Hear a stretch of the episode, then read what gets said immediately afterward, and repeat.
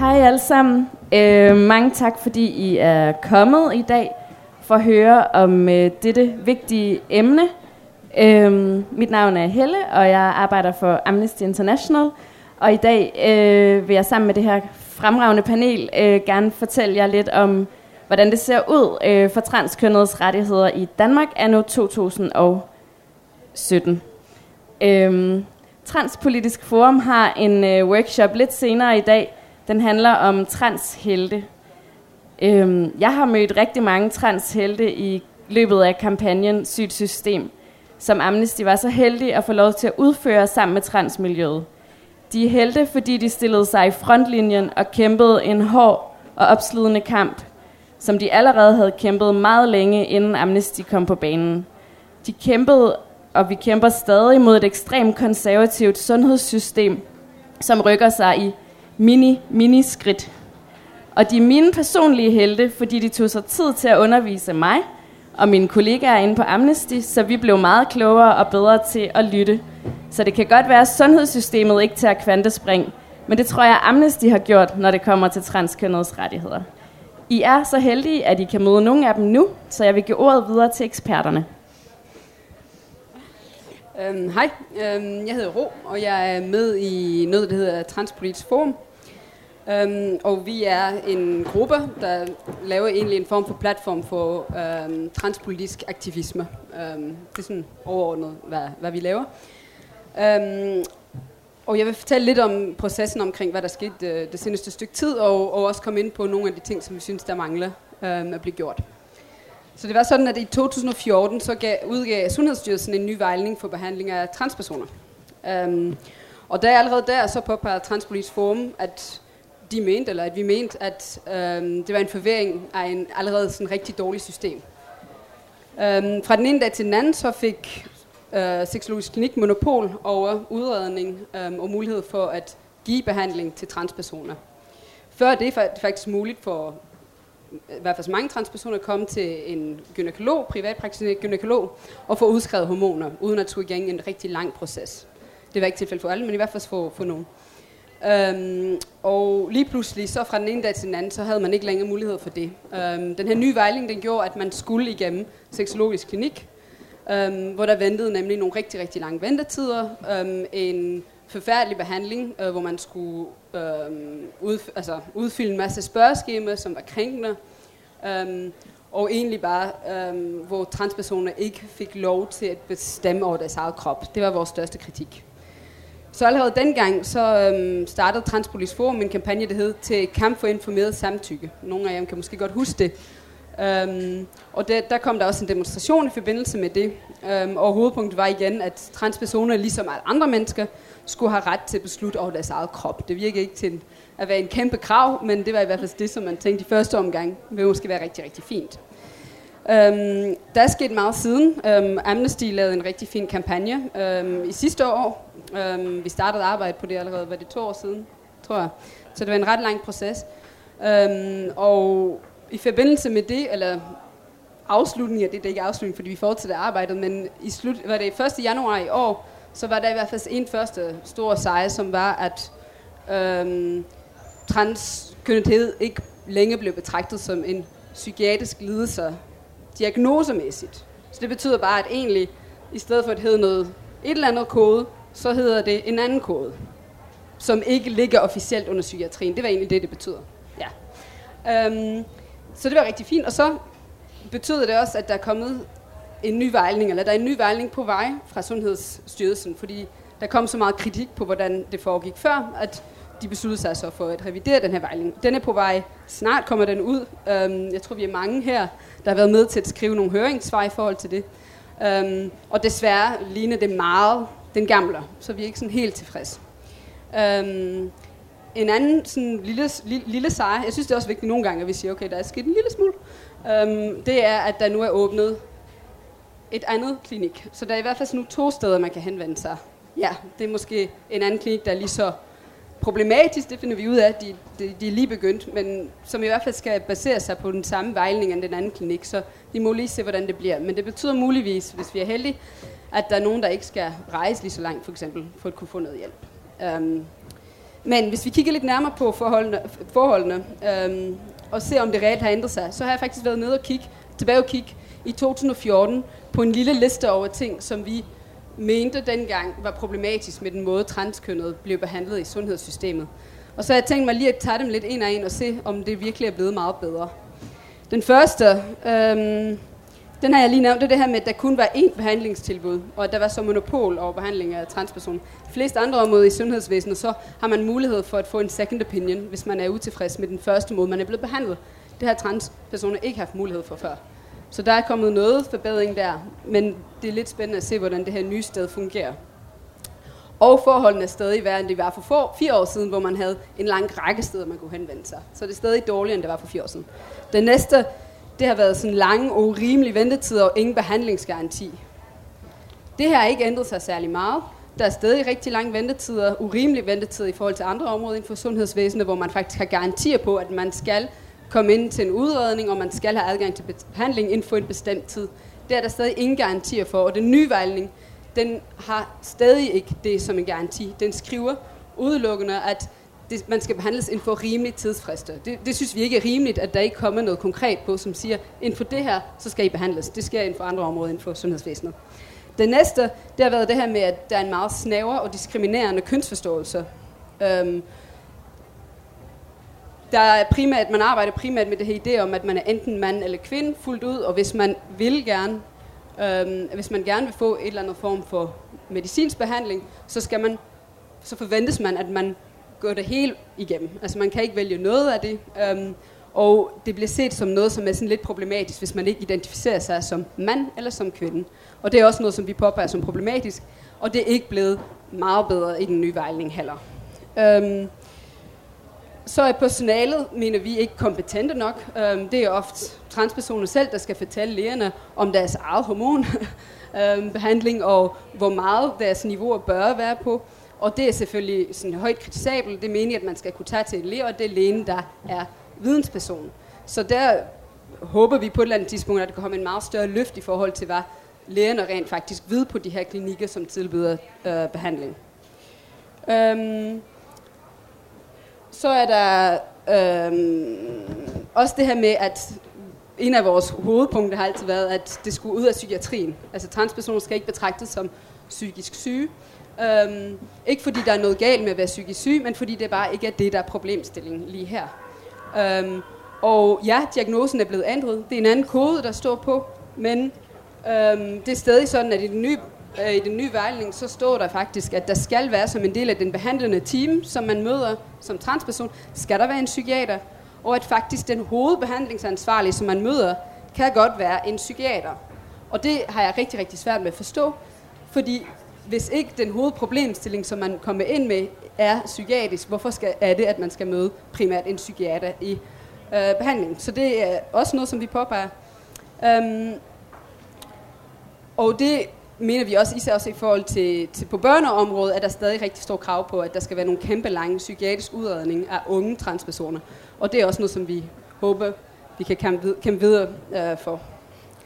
Nu vil jeg bare lige hurtigt rise op nogle andre ting, som vi ikke nævnte for, for nogle år siden, men som vi stadig synes, vi skal have kæmpet for her i Danmark. Der er meget omkring reproduktion for transpersoner, som vi synes, der skal være mere fokus på øhm, fremover. Sørg for, at der kommer den rigtige information og også de rigtige tilbud for transpersoner. Så er der nogle mere praktiske ting omkring øh, ja, offentlige steder, øh, toiletter, omklædningsrum, hvordan kan man sørge for, at alle føler sig mødt. Øh, så er der også noget omkring seksuel sundhed for transpersoner. Der er klinikker i udlandet, som specialiserer sig inden for øh, at tilbyde noget for transpersoner. Det synes vi også kunne være en rigtig god idé. Øh, og så gratis psykologhjælp. En videnscenter måske, som er drevet af transpersoner. Det vil være rigtig fint. Det vil være en ønskescenarie. Øh, og så håber vi også, at der kommer noget rigtig godt og etisk forsvarligt forskning på området, øhm, når vi taler især inden for det sådan medicinske eller sundhedsfaglige område. Det var meget på kort tid, sorry. Tak. det var så godt. Øhm, så tror jeg, vi skal give ordet videre til Nils. Nils, kunne du ikke måske sådan fortælle os lidt om, hvorfor det er, at du har valgt at gå helt udenom det danske sundhedssystem, og hvad, hvordan du er blevet mødt helt anderledes øh, i mødet med sundhedssystemer andre steder, eller i hvert fald et sundhedssystem, som ikke er Rigshospitalet og Seksologisk Klinik?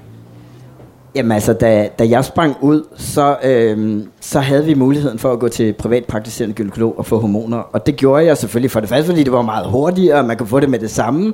Og for det andet, fordi at, øh, jeg havde ikke lyst til at besvare alle de her meget krænkende spørgsmål, som de stiller. Jeg har ikke lyst til at, at skulle stå over for staten Danmark og redegøre for, hvorfor jeg havde brug for det her. Fordi det mener jeg ikke, staten Danmark skal blande sig i. Øhm, og den måde, jeg blev mødt, det var jo så, jeg tog ind til gynekologen, og så begyndte han bare at forklare, hvordan hormonerne virkede, og så havde jeg nogle spørgsmål omkring, hvordan de virkede, og så fik jeg svar på det, og så fik jeg en recept med hjem, og så kørte det bare. Øh, og det fungerede egentlig rigtig godt for mig. Jeg havde selvfølgelig, altså, de fleste transpersoner, jeg kender, ved rigtig meget om, hvordan de her hormoner fungerer. Hvis det er noget, man overvejer, så har man sat sig rigtig grundigt ind i det. Og som regel er det sådan noget med, at vi faktisk ved mere end de øh, læger, der skal behandle os. Øhm, men der er kompetente læger og gynekologer her i Danmark, som hele tiden har været på vores side, som hele tiden har kæmpet for os, som så langt de overhovedet kunne, har trodset Sundhedsstyrelsen og er blevet ved med at give os hormoner, indtil de simpelthen blev truet med, at de blev, fik fjernet deres autorisation, øh, hvis de ikke stoppede det med det samme. Og det der så er med sådan nogen som mig, der allerede var startet på hormoner, vi har fået lov til at fortsætte. Så på den måde, så har jeg ikke været ind over systemet. Jeg har også fået nogle operationer, øh, to i Tyskland, en i Serbien, det har jeg betalt mig til. Jeg har betalt for mine menneskerettigheder, hvilket er et fuldstændig underligt koncept. Altså, jeg har betalt for at bestemme over min egen krop. Øhm, og det uh, burde jo ikke ske øh, i et land som Danmark. Det burde simpelthen ikke koste øh, 125.000 eller hvad det nu er, at få lov til at bestemme over sit liv. Øhm, men det gør det. Uh, så på den måde, så, um, så har jeg egentlig... Altså, jeg er blevet mødt med professionelle mennesker, som har accepteret, at jeg selv skulle bestemme de her ting. Øhm, og, og på den måde har jeg været meget, meget privilegeret. Og, og det, det vi ligesom mangler, altså øh, det de ofte siger, det er, jamen I kan jo ikke selv bestemme det her. Det er jo meget vanskelige beslutninger. Vi bliver nødt til at hjælpe jer med at tage de rigtige beslutninger, fordi hvis, hvis vi ikke, øh, hvis vi ikke, hvis vi, det ikke er os, der bestemmer det, så bestemmer I jo bare alt muligt selv, og det kan I jo slet ikke. Øh, og så kan man jo bare stille sig op og sige, jamen jeg er et eksempel på, at det kan vi altså godt. Og så siger de selvfølgelig, jamen du er en af de privilegerede og sådan noget. Der er mange svage transkønnede, der slet ikke kan bestemme det her. Jeg har ikke mødt nogen transkønnede, der ikke har kunne bestemme de her ting selv. Som ikke har overvejet det grundigt. Som ikke har tænkt over det meget længe. Øhm, så, så, så jeg ved ikke rigtig, hvor de er henne. Altså, dem der, dem, der går, har været inde på seksologisk klinik, siger, ja, det var godt, jeg tog derind, fordi jeg havde slet ikke tænkt over det, og øh, de sagde, at jeg ikke var transkønnet. Det var, det var sørme godt, jeg ikke kastede mig ud i det projekt. Jeg, jeg har ikke mødt dem. Øh, der er nogen, der har fortrudt af andre grunde, fordi de er blevet presset ud i at skulle være enten mand eller kvinde, og blevet presset til, at de ikke fik nogen hjælp, medmindre de gik hele vejen. Men jeg har ikke hørt om nogen, der ligesom lød beslutningen være op til dem, og ligesom har været glade for at blive afvist. Det har jeg aldrig hørt om. Så, så, så jeg ved ikke rigtig, hvad det er, de har det i det der med, at vi ikke selv kan tage de her beslutninger. For jeg har ikke nogen, mødt nogen mennesker, hvor jeg har været i tvivl om, at, at de kan de nok ikke. Det har jeg simpelthen ikke.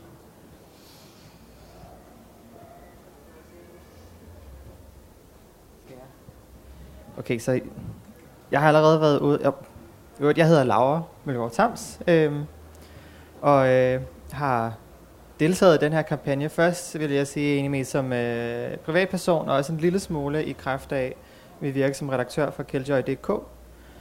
Øhm, og jeg har faktisk øh, tidligere i dag øh, lige lavet et, et foredrag om det her emne, så øh, jeg tænkte, jeg ville prøve at se, hvad nogle af de andre sagde, og så prøve at sige noget af det, som de ikke har sagt endnu, som jeg har sagt til det foredrag. Det, det bliver måske lidt svært, fordi at øh, vi er så specifikke her. Det er kun sundheds... Øh, sundhedsvæsenet. Jeg har faktisk holdt foredrag om alle transkønnedes problemer i Danmark. Øh, og dem er der mange af, som, øh, som, som ikke bare ligger i, i sundhedsvæsenet. Men, men noget, jeg kan sige i tilføjelse til her, som, øh, som I andre lige har glemt indtil videre, det er det her med, øh, det er jo ikke bare problemer, vi har med, øh, med de her specifikke behandlinger, som, som man opfatter som noget, der er specifikt for transpersoner. Nu tænker jeg hormonbehandling og kirurgi på, øh, på bryster eller på kønsorganer, og måske også altså sådan ansigtsfeminiserende kirurgi, hvad man ellers har. Øh, altså det her det er nogle ting, der opfattes som sådan transkønnet behandling, som man skal have en transkønnet diagnose for at få. Selvom man faktisk har udviklet den her type behandling til nogle cis-personer. Altså som af den ene eller den anden grund måske ikke selv har produceret de hormoner, de, øh, der er sådan normative for det køn, de lever i, eller af den ene eller den anden grund måske har fået en skade på, eller har fået kraft eller et eller andet andet, ikke? på, på øh, kønsorganerne eller på øh, brysterne, eller hvad der nu ellers har været en grund til, at de skulle have den her behandling. Altså, der er jo ikke, altså, det er jo ikke, der er jo ikke lavet særlig meget medicin til transpersoner. Vi er en alt for lille kundegruppe. Øh, og det meste af det medicin, vi tager, er jo faktisk lavet til... Jamen, jeg tager medicin, der er lavet til kvinder, øh, der er gået i overgangsalderen, ikke? Og til øh, mænd, der har prostatakræft. Øh, og, og det virker. Men der er også nogle andre typer behandlinger, som vi har brug for. Altså for eksempel sådan... Ja, hvad hvis vi får kræft? Og, og det ikke er fordi, vi er transkønnede, vi får kræft. Ikke? Eller hvad hvis vi begynder at ryste på hænderne, fordi vi ikke spiser nok B12-vitamin? Der er også mange veganere, ikke? som glemmer at spise B12-vitamin. Øhm, hvad hvis vi har et eller andet, øhm, altså, som ikke er specifikt noget, som sundhedssystemet genkender som, øh, som noget transkønnet har, så oplever vi altså også, at, at øh, læger går ind og siger, jamen, er det, er det fordi du tager hormoner måske, at du har de her problemer. Skulle du måske prøve at holde op med at tage hormoner? Og så er det ikke hormonerne, der gør det, ikke? Men, men altså det, det er noget, vi kender som transgender broken arm syndrome. Altså forestil dig, at du, du har en brækket arm, og så er det, jamen, det er fordi, du er trans. Det, det er fordi, at folk hader transkønnede, så når de har set det, så siger de, vi skal brække din arm. Så derfor. Nej, vel? Det er, ikke, altså, det er ikke det, der betyder uh, transgender broken arm syndrome. Uh, vi oplever rigtig mange problemer med, uh, med at folk ikke tager seriøst, fordi vi er transpersoner, både i sundhedssystemet, uden for ligesom det her transregi. Øh, vi oplever også problemer selvfølgelig i øh, uddannelsessektoren, hvor vi bliver mobbet ud, og, og, og arbejdsmarkedet osv. osv. Men øh, ja, min telefon giver ved med at gå i, øh, i standby her. Jeg skal prøve at komme tilbage til nogle af de punkter, som jeg har på sundheds, øh, sundhedssystemet. Så nogle ting, vi ikke snakker så meget om i forhold til... Øh, reproduktive rettigheder. Øh, der bliver nærmest slet ikke snakket om reproduktive rettigheder, øh, om, når det gælder transpersoner. Det er ligesom sådan, altså, det der, der skete i 2014, ikke, hvor vi siger, nu har vi ret til juridisk kønsskifte, det, det passer ikke helt, at det var sådan, det var. Øh, vi fik ikke ret til juridisk kønsskifte, det var, at man afskaffede kastrationskravet for at få juridisk kønsskifte. I 2014, der kunne man få juridisk kønsskifte som transperson, hvis man var kastreret. Og nu kan man så få det uden at være kastreret. Det var bare lige have folk til at tænke over. Vi har faktisk, for, altså staten har faktisk prøvet at kontrollere transpersoner og sørge for, at vi ikke kunne få børn helt op til 2014. Altså racehygiejne, ikke? Eller ikke race, men eugenik hedder det. Øh, og, og det er sådan lidt, ja, det ved jeg ikke lige, hvad vi gør der. Øh, jeg oplever i hvert fald med mange transpersoner, at de ikke får sådan særlig god øh, rådgivning til, hvordan sørger man for stadigvæk at kunne sådan, være i stand til at reproducere senere i livet, hvis man nu begynder på for eksempel hormonbehandling. Det er jo det, ofte det, der sker, når man begynder på hormonbehandling, så bliver man steril. Øh, skal jeg finde på, hvad her er det næste? Så har vi øh, meget lidt sådan rådgivning der er til rådighed. Det, håber, det kan man så håbe måske, det bliver bedre. Nu har, øh, nu har Venstre lige prøvet at slippe ud af hele det der fiskekrise halløj, ved at gå ud og foreslå, at vi skal have blandt andet et videnscenter til transpersoner, og vi skal tage penge ud af satspuljen og, og give dem til nogle andre end dem, der de har brug for dem lige nu og her. Øh, give dem til LGBT-personer også. Øh, og så må vi se, hvor det går hen, men som det står lige nu, så, har, øh, så der er ikke rigtig nogen øh, organisationer eller eller andet, som er i stand til at rådgive transpersoner, eller sådan give, give særlig... Øh, ja, egentlig, der findes heller ikke rigtig sådan interesseorganisationer, som tager sig af, af transpersoner sådan i større omfang end øh, Transpolitisk Forum.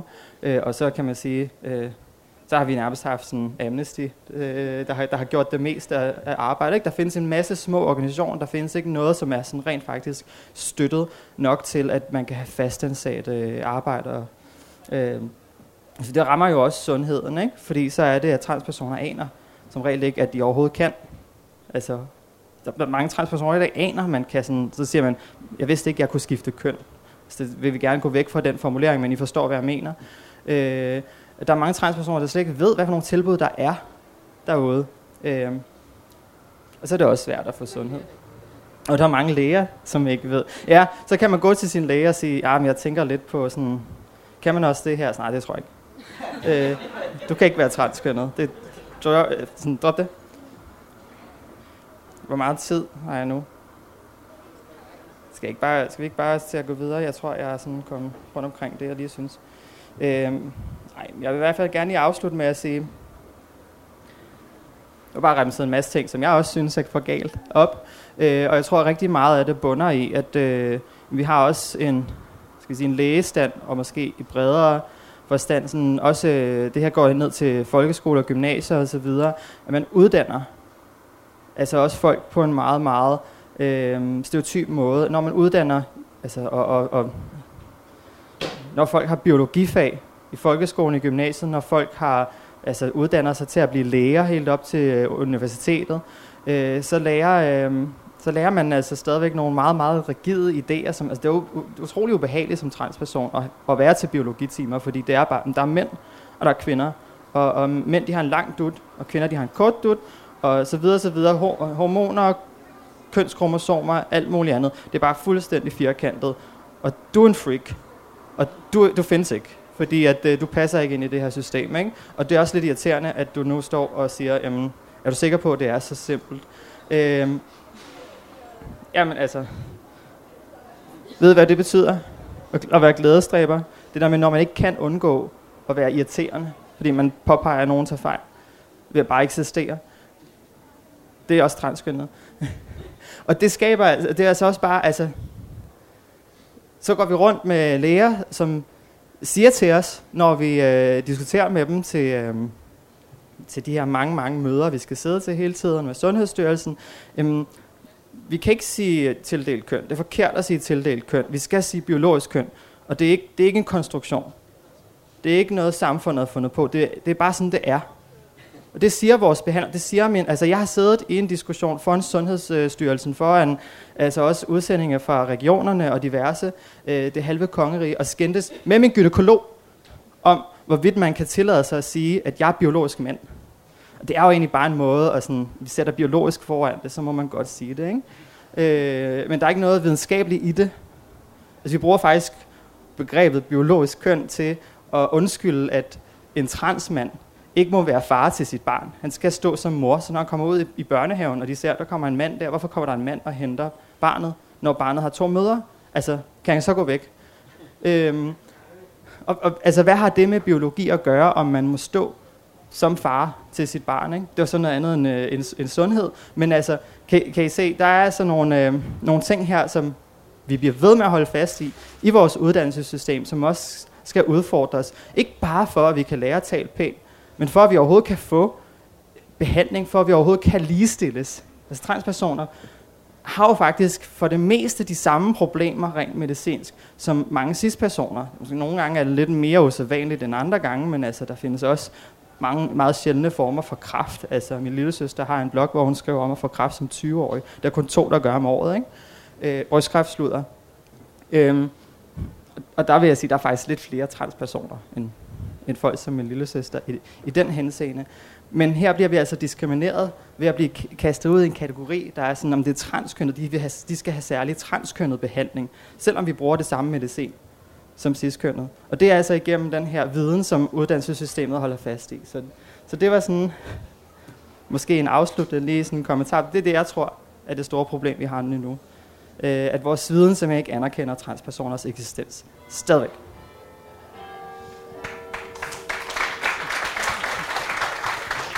Øh, ja, hej alle sammen. Jeg hedder Leim, og jeg, øh, nu er jeg her op som privatperson, men jeg er også en del af Copenhagen Pride og sidder med i Sygt System-kampagnen. Øh, for mig, jeg tror, I har ramset rigtig meget op af alt det, der kunne siges. Øh, så jeg kan kort sige, at det vi kæmper fremadrettet for os, det er, nu er der en behandlingsplan, der er i høring, og nu må vi se, hvad der kommer til at ske med den. Men i den behandlingsplan taler man også om, at man vil hjemtage kirurgien. Det vil sige meget kompliceret kønskorrigerende øh, kirurgi vil man hjemtage til Danmark til danske kirurger, som måske ser et, to indgreb hvad, hver femte år-agtigt. 0 til 1. Øhm, jeg ved ikke med jer, men jeg har altså ikke lyst til at skal opereres på så højt specialiseret funktion hos en kirurg, der ikke aner, hvad han laver. Øhm, så det er noget, jeg i hvert fald som øh, transmand vil kæmpe rigtig, rigtig meget for, fordi jeg har ikke lyst til det. Og der er nogle rigtig, rigtig dygtige kirurger ude i udlandet, som laver det her til hverdag. Øh, en anden ting, som jeg har været udfordret med, det har været det, som Laura også taler om med kastration. øh, og som du også nævnte omkring øh, det frie sygehusvalg, at hvis Helle skulle have øh, fjernet indre kønsorganer, øh, livmor og reproduktive organer, så kunne hun gå til hvilket som helst hospital i landet og, og få det gjort. Men fordi jeg er transperson selv, hvis jeg havde de samme fysiologiske måske smerter eller andre ting som Helle, men fordi jeg er transperson, så må jeg kun gøre det et sted i landet, og det er på Rigshospitalet. Det giver ingen mening, at når det er præcis samme kirurgiske indgreb, og det er meget, meget øh, hverdagskirurgi for rigtig mange gynekologer, at jeg kun for, kan få det gjort inde på Rigshospitalet. Altså hvis jeg sidder i øh, Aalborg, så har jeg måske ikke lyst til at skal rejse hele vejen til København for et simpelt indgreb, hvor man bliver udskrevet nærmest samme dag. Øhm, så det er en af de ting. Noget andet, som vi også har, det er seksuel sundhed. Altså der er ikke noget oplysning omkring, hvordan eller rettelse, der er en tale om, eller en forståelsesramme om, at transpersoner ikke er seksuelt aktive, eller har lyst til sex. Øh, øh, så derfor går man ikke ud og fortæller omkring, øh, hvordan man kan bruge øh, beskyttelse, eller hvordan kan du have nydelse med en anden partner, når du måske har en krop, du ikke er så øh, lige glad for, at nogen er glad for, den andre ikke. Øh, der er ikke noget rådgivningsfunktion, du kan gå hen, hvor du kan gå hen og tale om, hvordan, hvordan er det egentlig at være transperson, og, og måske have en seksuel drift, eller... Øh, fordi vi får den der, som Laura også fortalte med, med folkeskolen, vi får den helt tilbage fra, hvordan der er en forståelsesramme om, hvordan det binære køn, hvordan du gør dit køn, hvordan du, øh, hvordan du er mand eller kvinde, og hvordan du så derudfra har sex.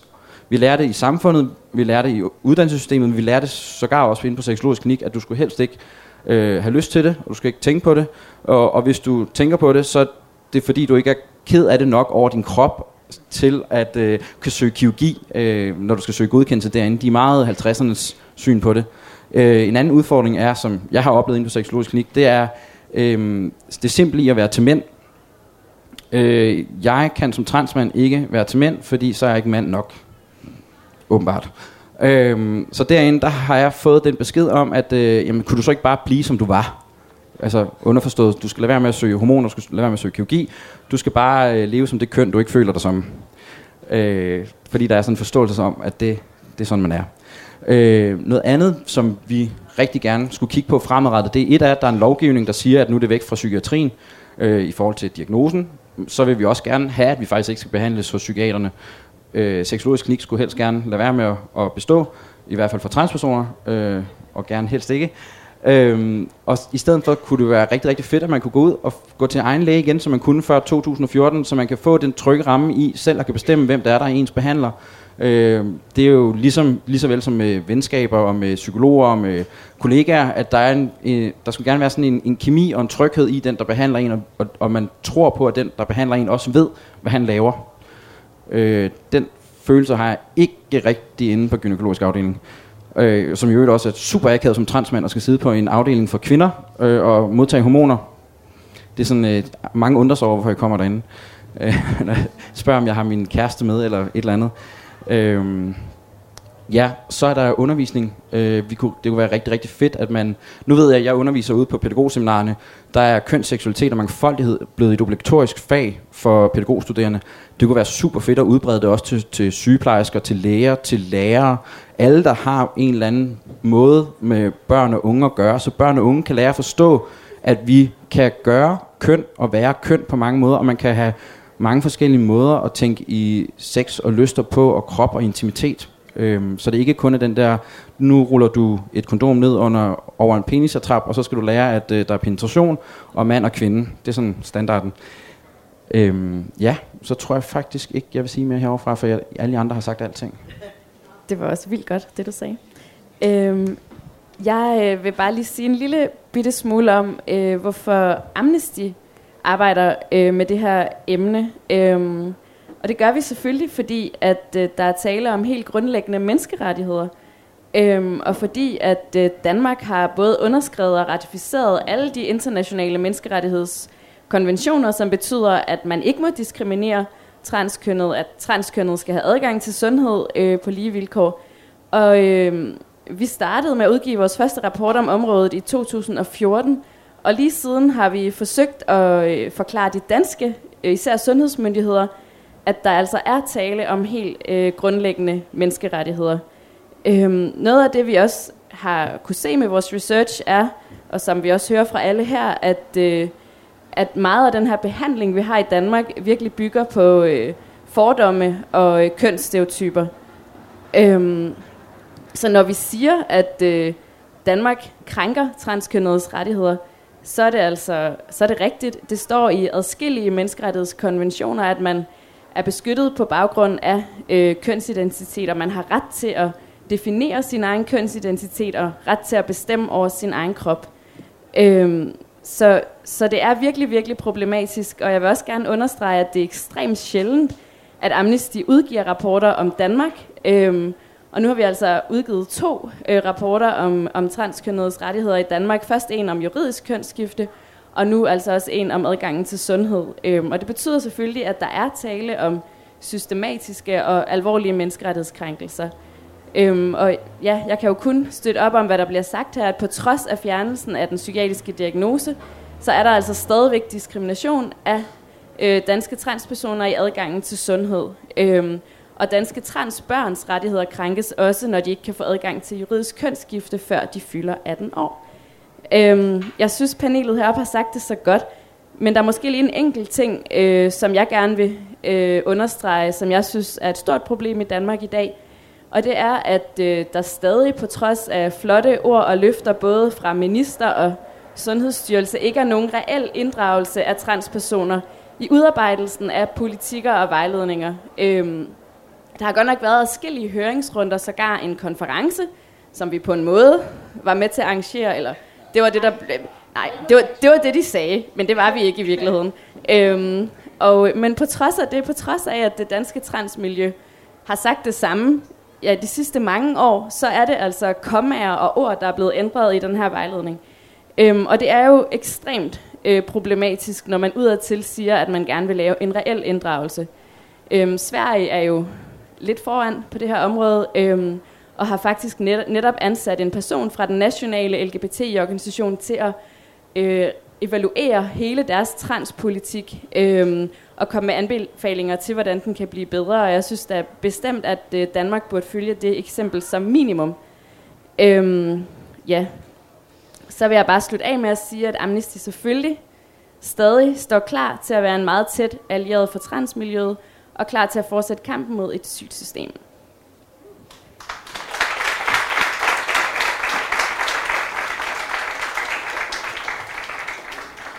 Må vi godt sige mere? Nå. vi har syv minutter nu. Det er godt. Ah, det er godt. Um, ja, sådan lige et par ting, um, jeg tænkte, jeg vil gerne vil tilføje. Um, den ene ting er, um, i forbindelse med det, du sagde, um, eller i forhold til, at det kunne være rigtig fint, at, at nogle af de her steder, som uddannelsessteder for læger og psykologer osv., uh, øh, få noget på deres, uh, igennem deres uddannelse, som handler om um, kønsseksualitet og mangfoldighed. Um, jeg, jeg, jeg blev rigtig irriteret, da den psykologforening, de har en vogn med i morgen. Jeg, jeg er uddannet psykolog, øhm, har haft helt min psykologuddannelse. De har en vogn med i morgen. Første gang. De skrev det ud, sådan rigtig glad og stolt, og var bare sådan, vi er mangfoldige, vi har en vogn med. øhm, og jeg blev rigtig provokeret. Øh, den psykologforening har ingen intern politik, retningslinjer om, hvordan man skal som arbejdsplads, Dansk psykologforening, sådan være mangfoldig Øh, de har ingenting i psykologuddannelse. Der er ikke noget, som tvinger, at, at alle psykologer, folk der skal ud være psykologer, lærer noget om kønsseksualitet og mangfoldighed. Det er grotesk. Det er sådan helt vanvittigt. Det er bare sådan, det er mennesker. Altså sådan, sådan, hvorfor kan det være?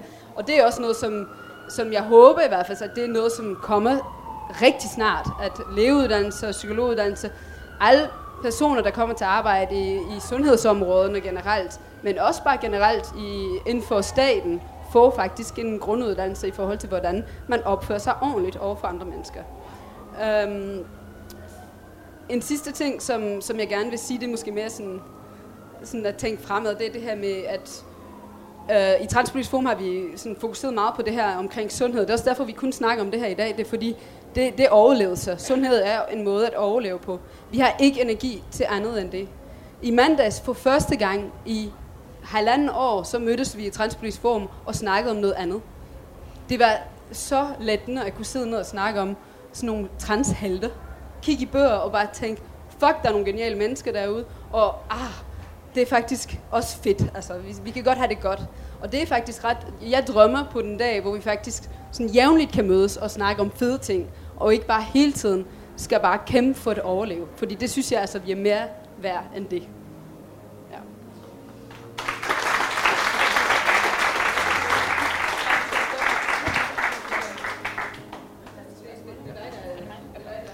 Jamen, øh, så øh, vil vi gerne åbne op for spørgsmål eller kommentarer fra publikum. Bare ræk hånden op, hvis I vil sige noget.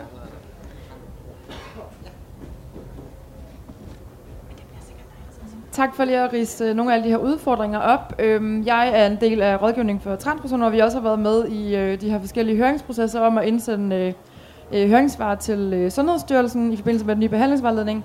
Og vi har desværre også mistet vores finansiering i forhold til at kunne tilbyde rådgivning for transpersoner, som vi før har fået fra Københavns Kommune. Så jeg tænkte bare, om I kunne have nogle korte refleksioner om, hvad, hvad kan være nogle forskellige aktivistiske strategier, som vi kan bruge i fremtiden. Det vil jeg godt sige noget om. Uh, vi har jo lige fået lovning på det her videnscenter. Uh, vi ved ikke, om der kommer nogle penge, og hvad det bliver. Men der er i hvert fald fra regeringssiden en intention om, at der skal laves et videnscenter for transkønnede. Og i hvert fald min prioritet nummer et, det er, at transrådgivningen skal have nogle penge. Fordi I har viden. I har indsamlet det over den periode, hvor I har været rådgivning, for det er jer, der ved mest om, hvad det egentlig er, vi går og tumler med, og hvad det egentlig er, der er problemet. Så jeg kan ikke forestille mig, altså, jeg synes, det er prioritet nummer et, at I bliver hørt. Øh, for I, I ved, hvor, hvor skoen trykker. Øhm, og øh, jeg håber også, at det bliver sådan, at det der videnscenter handler om at samle viden for os, der ved noget, og ikke for seksologisk klinik, der ikke ved noget. Så jeg tror, en strategi fremadrettet, det er for det første, der kommer et kommunalvalg og et regionsvalg. Og der skal vi stemme på nogle personer, der har det her som mærkesag. Og de findes øh, over hele det politiske spektrum næsten. Øh, så man kan vælge nogen, der, øh, der vil det her. Både på kommunalplan, så kan man måske presse på for, at der kommer en LGBTQIA plus politik, øh, og der måske bliver sat penge af. Vi vil meget gerne have et, et hus, hvor vi kan være alle sammen forskellige øh, foreninger, et, et sted, vi kan være, nogle lokaler, hvor der kan være en rådgivning, og det skal, altså på alle eller hvor vi kan holde nogle fester, eller have en yoga-time, eller et eller andet, ikke? Um, så det er sådan på kommunalplan, på regionsplan, det er regionen, der bestemmer over seksologisk klinik, så skal vi bare have nogle mennesker ind i regionen, som siger, at vi skal væk fra seksologisk klinik. Fordi de kan bare flytte os, de kan sende pengene et andet sted hen. Så det vil være en anden strategi. Og en tredje, det er, at når der nu er sat penge af til, at hele området skal kuglegraves fra regeringens side og få lovgivning osv., så, så skal vi bare ind der. Fordi så kan vi gå udenom Sundhedsstyrelsen, så kan vi gå udenom seksologisk klinik, og så kan vi simpelthen gå direkte til politikerne, som er på vores side. Altså, de har fattet det. Så hvis vi på en eller anden måde kan forhandle der, i stedet for at skulle forhandle med læger, som ikke ved en skid, så tror jeg, at, at vi har en åbning. Øhm, men altså, det, det handler om, at, at det bliver en hel masse sådan små forskellige ting, vi kan, og hvor vi kan presse på. Men for mig, transrådgivningen prioritet nummer et. Ja, øh, der kan jeg sige, i forbindelse med nu, hvor der er valg lige om lidt, der er rigtig, rigtig mange politikere, der rigtig, rigtig gerne vil have øh, info om, hvor de kan sætte ind henne. Det kan godt være, at de ikke har det på nuværende tidspunkt som mærkesag, men jeg ved, øh, inde på Rådhuset her i København, vil de meget gerne høre, hvad der er af muligheder og udfordringer, og især lige nu, fordi der er budget, budgetforhandlinger her i september. Øh, så hvis man kan særligt til rådgivning, send et scope ind med et budgetoverslag, øh, og eventuelt alliere dig med nogen, du ved i miljøet. Øh, jeg kan blandt andet, som, for, som en del af priden, pege dig i den retning af, hvor du skal gå hen. Sige, hvor, hvor, hvem der er inde på rådhuset, der kunne være gode at tale med, som man måske kunne få til at servere den som et forslag et eller andet sted i budgetforhandlingerne. Det er, det er der i starten i hvert fald kommunalplan, vil jeg sige. I forhold til regionsråd og kommunalvalg, så er det også at kigge på, hvem stiller op, og som ikke nødvendigvis har en mærkesag, men som rigtig, rigtig gerne vil høre mere omkring alt det her. Rigtig mange politikere har rigtig travlt, så de ved nødvendigvis ikke alt om alt, men de vil meget gerne vide meget om mange ting. Øhm, så, så der kan man godt fodre en hel masse. Flere, øh, en enkelt sidste spørgsmål, ellers så tror jeg, vi skal til at runde af. Skal I bare give dem en stor hånd så?